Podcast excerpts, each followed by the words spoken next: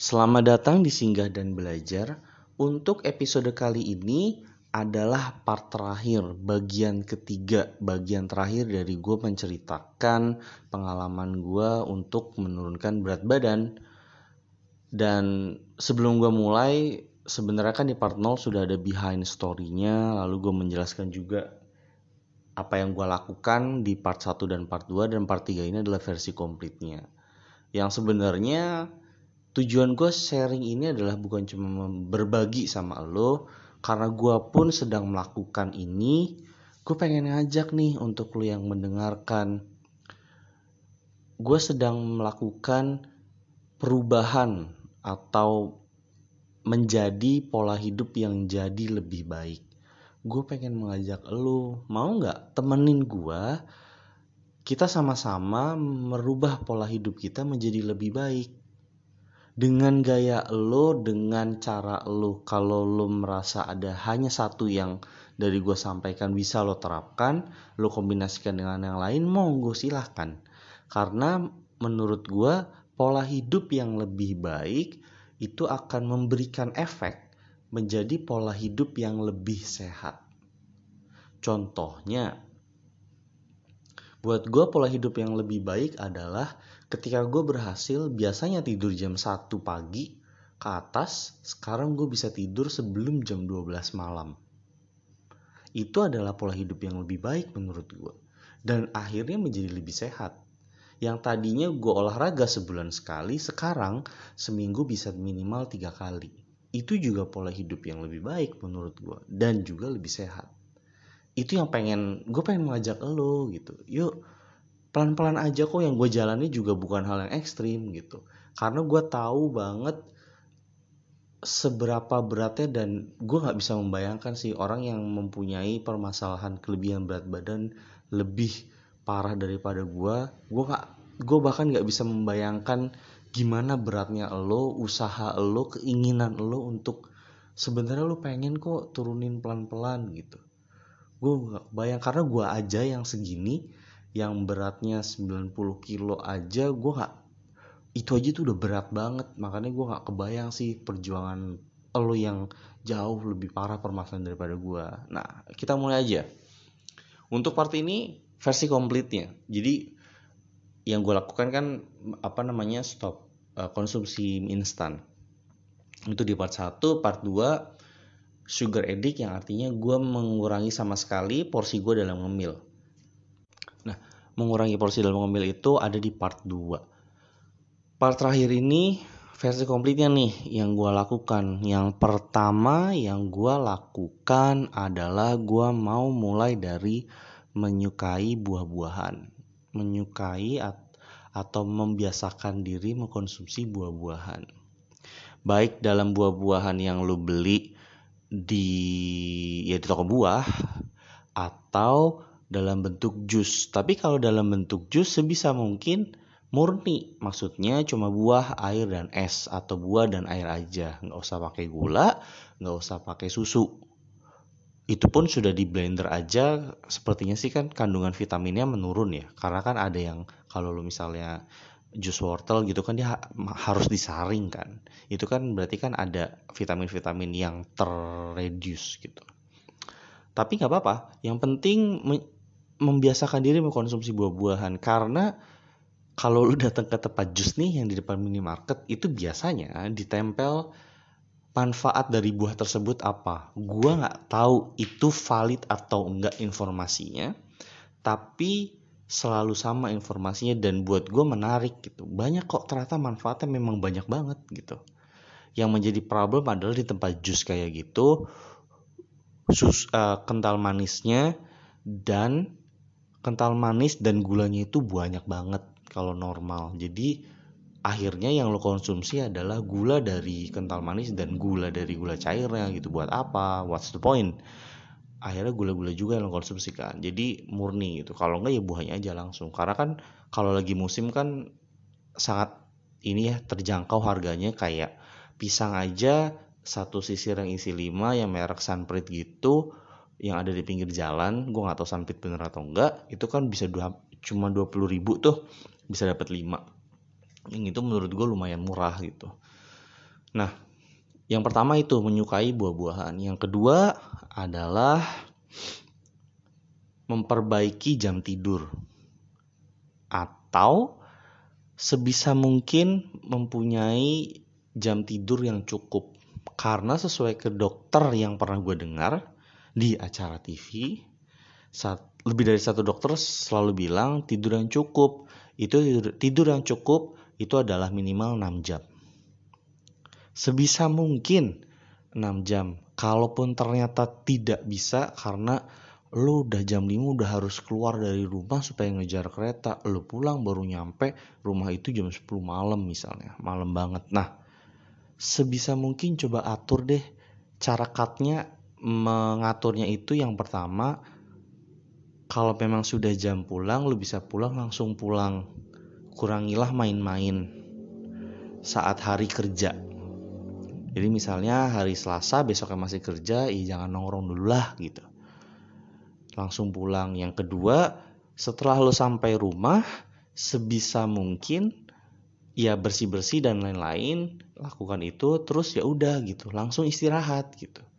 Jangan langsung malah buka laptop atau setel film, drama Korea, drama Jepang, drama Cina, drama Western, drama Indonesia, apa pun itu tontonan lo terus nonton akhirnya lu tidur jam 12 jam 1 gitu. Sebisa mungkin diatur lah. Gue yakin bisa kok gitu. Karena gue pun salah satu permasalahannya cukup berat gitu. Gue biasanya tidur jam 2 malah. Jam 2 tuh gue baru baru tidur baru kasih ngantuk perbaiki jam 1 perbaiki jam 12 sekarang jam 11 pun gue udah bisa tidur. Bahkan pernah beberapa kali gue tidur sebelum jam 11 gitu. Itu bisa kok. Tapi memang harus pelan-pelan step by step. Kenapa? Karena kalau lo paksakan yang biasanya lo tidur jam 12 langsung dihantam tidur jam kurang dari jam 10 biasanya akan ada satu hari lo memberontak gitu. dan itu berat. Menurut gue jauh lebih baik dikuranginya pelan-pelan gitu. Per setengah jam per setengah jam. Lama-lama nanti eh, jam 11 lu udah ngantuk sendiri jam 10 udah ngantuk sendiri gitu. Itu yang terjadi di gue dan itu yang sedang gue pertahankan kalau gue jam 11 tuh udah tidur gitu. Nah terus selanjutnya adalah porsi makan nasi. Porsi makan nasi ini sebenarnya simple sih yang gue lakukan sih biasanya kalau porsi makan gue makan di warteg itu satu porsi gue selalu minta setengah. Di mana pun di warteg warung padang di warung sate restoran dan lain-lain gue selalu minta setengah porsi. Bahkan di warteg ataupun warung padang restoran padang itu setengah porsi gue kurangi lagi karena biasanya kalau di warteg setengah porsi itu masih banyak. Itu gue kurangi kurangin aja. Nggak nggak yang seimprit banget. Nggak gue nggak pernah kayak gitu gitu. Karena buat gue itu berat gitu. Still I like to eat. Itu berat. Jadinya kuranginnya pelan-pelan aja. Kalau di rumah nih biasanya dua centong nih. Contoh lu kurangi jadi sat, seper uh, kurangi berapa ya? Bukan setengah 1,75 persennya 1,75 biasanya dua centong. Jadi satu centong full 75 persen centong. Terus lu kurangi lagi jadi satu setengah kurangi lagi jadi satu centong aja. Lama-lama lu akan terbiasa. Dibantu dengan part 2 kebiasaan lo meminum teh tawar. Itu kebantu banget gitu. Itu tuh masalah makan yang sangat-sangat sederhana. Selanjutnya masalah makan juga yang juga sederhana membiasakan makan mal, makan ya makan siang atau makan malam itu sesuai jamnya. Maksudnya uh, as early as possible gitu. Ya maksudnya nggak makan malam lo jadi jam 4 sore gitu. Nggak kayak gitu sih. Maksud gue kalau gue jam makan malam gue itu biasanya setengah tujuh sampai jam tujuh. Setengah tujuh sampai setengah delapan deh setengah tujuh sampai setengah delapan itu adalah jam makan malam gue paling telat banget jam delapan deh nah kalau misalnya gue dalam perjalanan yang membuat gue baru sampai rumah jam 9, biasanya gue memilih makan lebih dulu di jalan. Tujuannya itu ada beberapa faktor. Yang pertama adalah supaya gue ini kemakan banget omongan yang kalau lo habis makan terus langsung tidur maka itu jadi lemak. Itu gue kemakan banget tuh yang begitu tuh. Yang akhirnya sebenarnya gue uh, I don't think it's it is true. I mean uh, ada beberapa faktor lainnya di balik itu kalimat komplitnya seperti apa tapi gue nggak benar-benar yakin itu benar-benar sih ya teori itu gitu. Tapi efeknya juga cukup kerasa sih yang uh, lu makan di perjalanan terus lu makan begitu pulang sampai rumah terus ya udah lu beres-beres dan lain-lain lu bisa langsung istirahat. Jadinya uh, apa namanya karena makannya itu kan memang ya udah sekedar makan selesai terus pulang gitu. Terus nggak lo nggak direpotkan untuk masak dan segala macam tapi memang akhirnya ada kos yang harus keluar lebih gitu karena lo makannya kan di luar bukan di rumah alasan lainnya adalah supaya malamnya itu gue bisa berolahraga sih kalau memang gue lagi tidak begitu capek untuk olahraga. Which brings me to the point next point adalah poin membiasakan olahraga. Ini menurut gue juga penting. Bahkan sangat krusial ya poin olahraga ini tuh sangat krusial kenapa? Karena sebagai gambarannya gambaran bukan gambaran sih cerita ya. Kalau lo pernah lihat di ber, di TV channel gue lupa channelnya kayak banyak sih disorot ya. Seorang anak dengan obesitas yang luar biasa luar biasa parahnya sampai harus Pemda Pemkot itu turun tangan terus ada salah satu kalau lo tau namanya ini Bang Aderai. Bang Aderai juga membantu membuatkan program buat dia. Dan programnya adalah salah satunya adalah program olahraga. Olahraganya pun olahraga yang ringan-ringan. Karena lama-lama nanti akan ditingkatkan beban olahraganya. Tapi untuk yang pertama untuk yang memulai olahraga yang ringan aja dulu gitu. Karena berat loh. Mungkin buat lo yang mendengarkan ini lo tidak punya masalah berat badan untuk melakukan olahraga misalnya jogging. Jogging 2 kilo lo nggak pakai berhenti ya nggak pakai istirahat. Mungkin buat lo lo bisa melakukan itu gitu. mungkin. Tapi buat kita yang termasuk gue yang punya masalah berat badan untuk jogging 100 meter aja engap ngos-ngosan gitu jadi cari olahraga di sini adalah yang mau gue sampaikan kita cari olahraga yang memang mudah buat kita dulu gitu. Kalau gue, gue ada namanya walk exercise. Gue nyarinya pun di YouTube. Olahraga ini juga banyak kendalanya sebenarnya. Tapi masalah intinya adalah menghantam rasa malas. Kenapa? Karena gini, ada aja orang atau mungkin lo termasuk nih olahraga itu harus ada temennya itu yang pertama. Atau olahraga itu harus ke tempat gym. Sedangkan di masa pandemi gym masih ada aja yang ditutup. Atau olahraga buat elo adalah jogging pagi-pagi setiap weekend aja. Atau olahraga buat elo adalah lo harus datang ke stasiun eh stasiun stadion GBK. Gelora eh bukan stadion ya ke area Gelora Bung Karno di mana banyak banget orang olahraga di sana. Kalau lo berada di Jakarta. Atau juga lo adalah tipe orang yang menurut lo olahraga itu adalah gabung ke Car Free Day itu juga ada yang kayak gitu gitu. Yang akhirnya membuat lo muncul rasa malas untuk olahraga di hari lain atau olahraga yang lain. Kan itu ya sebenarnya permasalahannya. Atau lo olahraganya adalah gue nggak mau olahraga yang lain. Olahraga gue itu zumba pilates gitu ya. Di tempat senam zumba A. Cuma di A doang gue gak mau tempat lain. Ya udah kalau misalnya tempat A itu lagi tutup uh dia lo gak akan olahraga dong atau jam harinya lagi bentrok sama lo kerja lo gak akan olahraga dong gitu. Nah yang mau gue di sini mengajak lo adalah bisa kok sebenarnya lo olahraga di rumah tuh bisa banget gitu. Dengan ruangan yang terbatas pun bisa gitu.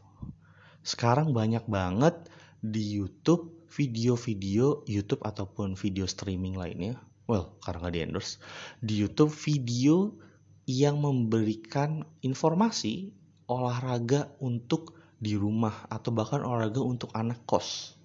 Itu ada. Saran terbaiknya tentu menggunakan matras. Matras yoga gitu ya untuk olahraga itu ya supaya ya kalau di ubin berat bos gitu. Sebisa mungkin.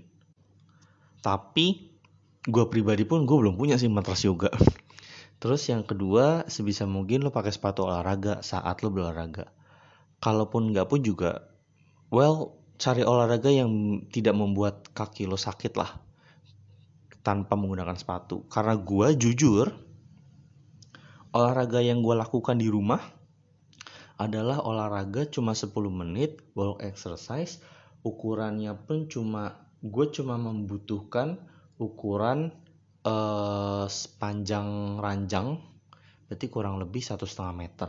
Udah itu aja. Satu setengah meter, terus eh, apa namanya panjang satu meter dengan lebar itu kurang lebih tiga tiga jengkal kaki lah. Tiga kaki tiga tiga kaki ya. Tiga kaki dijejer nah gue cuma perlu ukuran segitu sih. Nggak perlu banyak banyak namanya walk exercise gitu. Itu gue cuma itu. Gue jujur gue belum pakai matras dan gue tidak jarang nggak pernah jarang pakai sepatu saat olahraga walk exercise itu tapi menurut gue itu adalah olahraga yang cukup aman walaupun sebenarnya dengan perlengkapan pun lo juga harus siap gitu. Nah, tapi di sini membuktikan kalau gue bisa berolahraga di weekdays gitu. Olahraga gue biasanya jam 9 malam. Itu gue seling tuh. Jadi eh, Senin olahraga, olahraga lagi dua hari kemudian gitu. Jadi seling tuh. Jadi Senin sampai Jumat antara 2 sampai 3 kali gue olahraga. Weekend Sabtu kalau misalnya lo tidak bekerja, mempunyai rezeki waktu lo nggak bekerja, Sabtu ada waktu kosong, lo bisa pakai tuh di pagi atau di sorenya untuk olahraga. Gue biasanya uh, pag antara pagi atau sore atau ya malam juga sih gitu. Kalau pagi gue biasanya olahraga jalan cepat, nggak jogging ya, jalan cepat. Lo juga bisa pakai nih kayak gue nih. Cuma modal sepatu kalau lo belum punya sepatu olahraga ya sepatu cat lah gitu. Sepatu cat oke okay lah gitu. Jangan pantofel ya berat. Tapi sepatu cat kalau bisa sih ya nabung beli sepatu olahraga yang affordable price nya kan ada. Kalau lo cuma punya sepatu futsal pakai juga gak apa-apa sepatu buat berolahraga. Terus yang kalau gue gue lakukan adalah gue jalan. Kalau dari Google Map itu jaraknya satu setengah kilo. Bolak-balik 3 kilo. Jalan cepet. Jalan cepet masih lebih lambat daripada jogging gitu. Tapi yang gue coba maintain adalah gue coba nih uh, setengah perjalanan jalan cepet nggak pakai berhenti. Abis itu gue naikin lagi satu setengah kilo uh, apa namanya jalan cepet abis itu gue ada istirahat kira-kira jalan jalan lambat 10 detik atau berapa detik itu untuk ngambil napas terus jalan cepet lagi sampai tujuan sampai akhirnya gue alhamdulillah puji syukur bisa jalan cepat 3 kilo bolak balik itu nggak ada jedanya gitu. Jadi jalan cepat terus cuma ada jedanya karena itu di pinggir jalan banyak kendaraan jadi ada momen ketika gue harus nyebrang itu ya udah mau nggak mau kan gue stop sebentar nyebrang gitu. Nyebrang terus jalan lagi cepet gitu. Cuma itu aja sih momen-momen itu aja gitu. Tapi itu juga bisa lo lakukan gitu. Di hari Sabtu di hari Minggu. Hari Minggu pagi wajib buat gue gue memprogramkan pagi wa Minggu pagi wajib. Setelah itu kalau lo melanjutkan olahraga yang lain pun monggo yang penting di sini yuk olahraga. Olahraga itu lu bisa melakukan sendiri nggak harus dengan teman. Nggak harus nunggu jogging bareng temen lo dulu nggak harus nunggu gymnya buka dulu. Itu menurut gue sih. Dan dan dan ini yang juga cukup penting nih. Kalau misalnya lo memutuskan ke tempat gym tempat senam tempat apa pun itu kalau dia punya PT personal trainer sebisa mungkin lu cari PT yang baik ini krusial nih PT yang baik. Kenapa? Karena PT yang baik itu dia akan memberitahu nih, oh badan biasanya kalau tempat gym yang bagus, uh, kalau nggak salah ya, gue nggak tahu sih harus di tempat gym atau di tempat itu, lu bisa nimbang nih berat apa namanya berat lo berapa di badan lo kandungan fat lo berapa kandungan lemak lo berapa kandungan beban eh beban berat tulang berapa berat otot muscle dan lain-lain. Tuh ada tuh gitu. Ya lo bisa beli sih di online shop gitu ya. Harganya terakhir gue sih 100 ribuan sih. Itu lo bisa beli gitu. Gue ada rencana untuk beli itu gitu. Pengen punya gitu itu lo bisa nimbang nah PT nanti bisa ngasih tahu atau dengan cara trainingnya dia bisa tahu nih oh ternyata lu beratnya di sinilah kira-kira segala macam. Nah dia bisa merancangkan program latihan untuk lo yang sesuai. Jadi nggak asal olahraganya nggak asal lo bisa angkat beban, nggak asal lo gerak gitu. Tapi misalnya, oke okay, seminggu ini kita coba turunin, uh, kita kuatkan dulu kakinya misalnya. Jadi uh, supaya kakinya bisa lebih banyak gerak. Setelah itu mungkin lengannya supaya bisa lebih luas geraknya. Mungkin. Jadi program-program yang dibuat itu memang sesuai nggak asal-asalan gitu. Ini penting sih kalau mencari PT nah gitu sih. Jadi olahraga ini adalah poin krusial dan poin penting. Kalau digabung semua oh ada lagi satu. Gue kelupaan. Ada lagi satu. Dan ini uh, berhubung gue sebagai muslim well buat non muslim juga bisa melakukan gitu. Gue membiasakan diri untuk puasa Senin Kamis. Untuk lo yang uh, tidak bukan beragama Islam kalau lo mau puasa Senin Kamis kayak gue pun boleh gitu. Lo memilih puasa di hari lain pun boleh monggo. Kalau buat lo lo nggak mau puasa tapi pakai intermittent fasting juga boleh silahkan gitu. karena gue punya cerita nih singkat gue punya teman dari Amerika Latin. Dia dari negara kecil di Amerika Latin Belize B E L I Z E gitu Bliss. Dari sana waktu gue cerita tentang jadi waktu gue di Taiwan gue cerita tentang gue lagi puasa Ramadan. Uh, puasa Ramadan di sana. Terus uh, puasa Ramadan itu yang aktivitasnya adalah nggak makan dari jam 4 pagi setengah lima pagi sampai jam 6 sore waktu di Taiwan kurang lebih sama kayak Indo gitu azannya gitu. Angkanya setengah lima sampai jam 4 uh, eh, 6 sore gitu. Nggak makan nggak minum sama sekali. Terus dibilang kaget ah gila lu. Man, ya kalau gue nggak makan bisa tapi kalau minum nggak mungkin lah. Nggak bisa fokus gue ya, ya gue terus gue bilang ya kalau lo mau melakukan ya monggo aja coba aja dulu. Atau gue punya nih apa namanya latihannya supaya lo pengen nyoba kan. Namanya intermittent fasting. Lo bisa coba. Lu nggak makan cuma minum air doang. Air yang gak ada rasanya ya air mineral atau teh tawar. Dua itu aja tuh terus intermittent fasting pakainya jam makan. Jadi ada yang 4, 6, 8 gue tambahin 10 jam makan. Di jam makan itu lu bisa makan normal di luar jam makan itu lu cuma minum air gitu. lu coba aja dulu. Efeknya itu lu akan kerasa di badan lu. Dia coba tuh intermittent fasting yang tadi gue bilang. Setelah sebulanan ketemu ke sama gue ya kita sering ketemu sih. Waktu ketemu dia bilang eh gue udah sebulanan nih. Apa dua bulan ya? Gue lupa. Gue udah sebulanan nih ngelakuin intermittent fasting bro. Gila nih keren banget efeknya bilang. Efeknya itu kayak ngedetox. Apa puasa kayak gitu ya dia bilang. Iya sih gitu. Puasa tuh kayak ngedetox gitu. Kayak lo ngerem semua hobi lo tentang ngemil gitu. Terus dia bilang iya iya iya bener bener bener, bener banget gue suka banget ngemil uh, beli junk food tapi gara-gara ini jadi bener-bener keren banget gitu dia bilang bahkan gue bisa seharian cuma makan sekali doang bro dia bilang gitu dia bilang kayak gitu ke gue dan gue seneng sih karena poin di sini mau gue sampaikan adalah lu bisa melakukan intermittent fasting, lu bisa lu atur sendiri nyaman lu gimana kalau lu mau melakukan. Kalau lu mau kayak gue puasa juga juga silahkan. Tapi buat gue momennya pas nih puasa Senin dan Kamis. Kenapa? Contoh dari Senin ada Sabtu dan Minggu weekend. Yang biasanya kalau orang diet weekend itu suka dijadikan cheat day. Jadi lu bisa makan lebih dibanding uh, porsi lo yang itu. Kalau gue kan porsinya selalu sama ya, jadi nggak nggak ada cheat day gitu. Tapi kayak misalnya nih, kebetulan Sabtu Minggu lagi ada acara keluarga, beli martabak manis, makan makanan lainnya banyak tuh. Terus makan gue lagi ya udah gitu, lebih lebih dari porsi normal gue aja gitu. Terus ya udah ketemu hari Senin gue puasa itu kayak ngerem semuanya gitu yang tadinya gue pengen ngemil akhirnya ketahan hari Selasa hilang rasanya.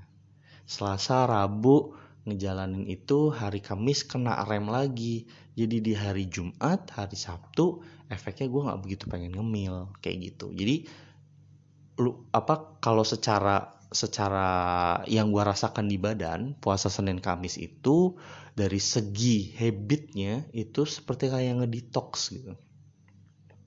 Kayak cemilan-cemilan nih supaya diproses dulu dihabisin terus udah gitu. Jadi besoknya enak aja perut gitu. Nggak ada hawa-hawa pengen ngemil gitu sih yang kerasa uh, apa namanya untuk puasa ini gitu. Intermittent fasting juga sebenarnya sama.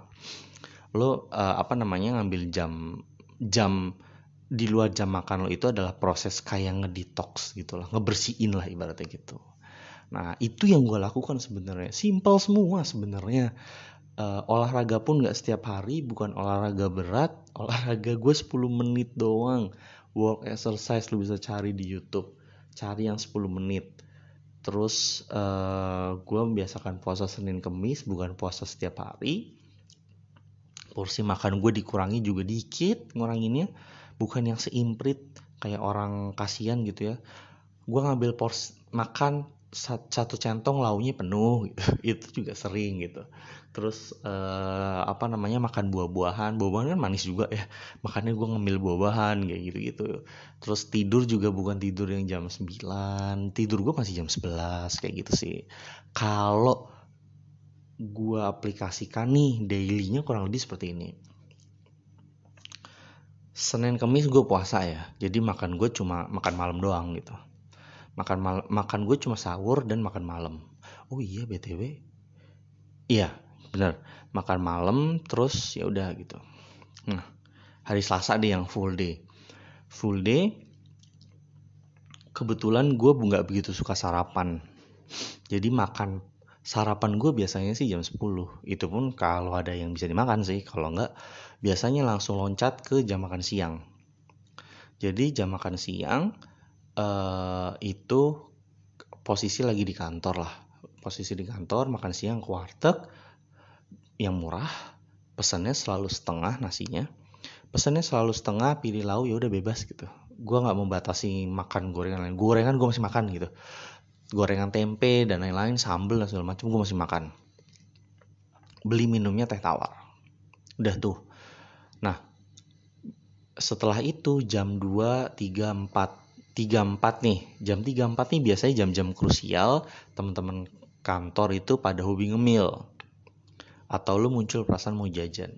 Di situ karena di part 2 lu dengarkan part 2 akhirnya gue bisa bilang no nggak deh gitu. Tanggung apa segala macam nggak deh gue lagi banyak kerjaan segala segala macam nanti aja deh masih kenyang gitu gitu. Jadi gue bisa menolak. Terus pulang nih pulang kerja. Karena kebetulan perjalanan biasanya nggak jauh lah gitu ya. Pokoknya katakan gue selalu bisa selalu sebisa mungkin menyempatkan makan jam 7 lah jam 7 gue makan malam sama. Cari yang uh, murah pokoknya apa pun itu pokoknya nasi setengah pesennya teh tawar gitu. Udah. Terus pulang terus ketika udah jam 9 itu kan prosesnya tuh dua jam tuh dari setelah gue makan tuh olahraga. Nah setelah 2 jam pokoknya jam 9 kalau memang gue lagi pengen olahraga gue olahraga gitu. Tapi biasanya keseringan sih olahraga gitu. Jadi gue olahraga jam 9 cuma 10 menit terus beres terus pendinginan terus mandi terus ya udah habis itu kan capeknya keluar dan segala macam terus lelah terus istirahat. Udah begitu aja tuh setiap hari. Paling sekali ya udah gue ikutin aja lah teman-teman bilang beli cemilan rame-rame ya gitu. Paling gue nyomotnya cuma satu kayak misalnya uh, apa namanya beli rame-rame tahu kriuk gitu-gitu kan seporsi banyak gitu beli molen gitu paling gua ambil satu dua gitu. Terus kan diambil rame-rame itu. Jadi sebenarnya nggak sebanding sama yang keluar duit sih gitu. Tapi udah lah gitu. Nah day by day uh, hari demi hari berlalu gue menerapkan itu semakin sering semakin sering uh, di weekend pun sama uh, polanya olahraga, makan, tidurnya kurang lebih sama, semua sama lah yang gue jelaskan. Efeknya adalah berat badan perlahan menurun. Double chin, uh, apa namanya lemak di leher nih, yang gemul banget itu pelan-pelan mengecil. Terus karena efek olahraga juga, badan gue ketika bangun tuh selalu fresh. Nggak pernah kerasa mager sama sekali ketika kerja. Karena porsi makan gue gue kurangi nasinya secara tidak langsung efeknya adalah ya udah makannya kenyangnya pas nggak membuat lo ngantuk. Tahu dong kalau lo makan nasi kebanyakan jadi ngantuk ya kan? Nah itu. Efeknya tuh di situ kerasa banget gitu. Efek tidur cepatnya membuat gue bisa bangun subuh gue kom komat nih ikomah gitu ya. Ikomah tuh biasanya gue kebangun bisa sholat gitu. Tidur gue jadi pas nih. Yang gue korbankan adalah waktu main memang sebenarnya. Gue mengorbankan waktu main untuk istirahat lebih banyak gitu. Gitu sih. Jadi tapi ketika gue melakukan itu ceritanya di situ dari 95 turunnya drastis uh, apa namanya badan badan tuh ya karena efek olahraga jadinya ada bagian yang membesar. Ba lu tau gak sih yang besar besar orang gym kayak gitu ya? Besar seperti itu tidak dibilang genut gemuk buncit gitu. Terus tanpa sadar berat gue pelan-pelan menurun dari 95 sampai ke 82 tapi sekarang balik lagi jadi 90 tapi anehnya adalah 90-nya gue itu bukan seperti gue waktu gue 90 sebelum cerita ini gitu. Beda banget gitu. Waktu gue cerita gue cerita podcast ini menurunkan itu kan berat gue 95 itu gue bulat banget muka gitu. sekarang gue di, di berat 90 aja nggak bulat muka gue gitu. Tapi badan gue memang besar kayak kayak orang ngejin gitu sih gitu. Ibaratnya ya uh, ya lu tau lah gitu ya kalau orang nge-gym kan memang badannya kan gila keker-keker banget ya gede keker gitu. Nah itu kayak gitu tuh. Kayak gitu sih kelihatannya tuh kayak gitu. Nggak sekeker mereka maksudnya big gitu. Dia big firm gitu. Uh kayak gitu sih. Tapi efeknya banyak banget gitu. Dan uh, eh, gue sadarin kok berat normal gue itu 74 gitu. 65 sampai 74 itu adalah batas normal. Di atas itu adalah overweight. Bahkan sekarang gue di 90-an itu udah dianggap obesitas. Dan itu yang tadi gue bilang berat banget rasanya buat nurunin. Di, itu aja di posisi gue gue nggak bisa ngebayangin gimana lo yang berat badannya kelebihannya itu jauh di atas gue gitu. Dan ya itu tadi gitu siapa pun lo, lo punya masalah berat badan atau enggak, atau lo pengen punya uh, menjaga berat badan lo yang sudah ideal misalnya, itu gue cuma mau ngajak sih, yuk, gue nggak mengajak, nggak nyuruh lo untuk lo harus diet ya, enggak. Gitu. Gue tau nggak betapa nggak enaknya digituin sama orang gitu ya. Itu ada di part 0 gue udah cerita gue mengajak lu gue lagi melakukan nih. Lu mendengarkan podcast ini gue sedang melakukan. Dan gue berjanji gue akan karena ini baik untuk tubuh gue gue pengen bisa maintain. Itu gue akan melakukan terus dan terus gitu. Jadi gue ngajak lu yuk temenin gue lu rancang pola hidup lu sendiri. Nggak usah langsung semua. Perlahan perlahan perlahan selipin satu-satu selipin satu-satu. Lama-lama pola hidup yang terbangun oleh lu adalah pola hidup yang jauh lebih baik gitu. Lu akan rasakan efeknya nanti menjadi jauh lebih baik. Kalau gue bilang pola hidup gue sehat nggak juga itu makan gue masih sembarangan gue masih makan gorengan gue masih makan martabak manis yang gulanya banyak gue masih tidur uh, jam 11 malam gitu ya. Olahraga gue masih belum setiap hari olahraga gue cuma 10 menit bahkan. Sorry yang gak ada proper trainingnya tapi gue merasakan efek yang luar biasa. Ya itu tadi gue bilang gue mengajak lo temenin gue kita kita buat pola hidup kita menjadi lebih baik. Yang efeknya nanti bisa menjadi lebih sehat pola hidup kita gitu. Kerasa kok kayak gitu sih. So that's it. Mohon maaf lebih dari 30 menit tapi ini adalah bagian terakhirnya jadi nggak apa-apa deh dari 30 menit. So thank you for listening. Semoga yang gue sampaikan ini bisa memberikan apa ya masukan gambaran dan cerita baru buat lo gitu. Bahwa menurunkan berat badan itu ada kok orang yang berhasil menurunkan berat badan gak ekstrim diet ketat gitu ya? Well gue adalah buktinya gitu. Pernah. Dan pengen bisa melakukan lagi so thank you for listening. Kalau memang lo mau mengirimkan saran lo mau bertanya lo mau curhat bisa langsung kirim aja ke DM Instagram singgah dan belajar atau email singgah dan belajar gmail.com gue bukan ahli ya. Gue kalau lo konsultasi sama gue gue akan memberikan pendapat pendapat ya karena gue bukan ahli. So Sekali lagi terima kasih, terima kasih banget udah mau mendengarkan singgah dan belajar, mau menyempatkan waktu sebentar untuk mendengarkan podcast gue. Sampai bertemu di episode selanjutnya tentang pembahasan yang lain yang akan gue share tentang pengalaman-pengalaman. Bye-bye.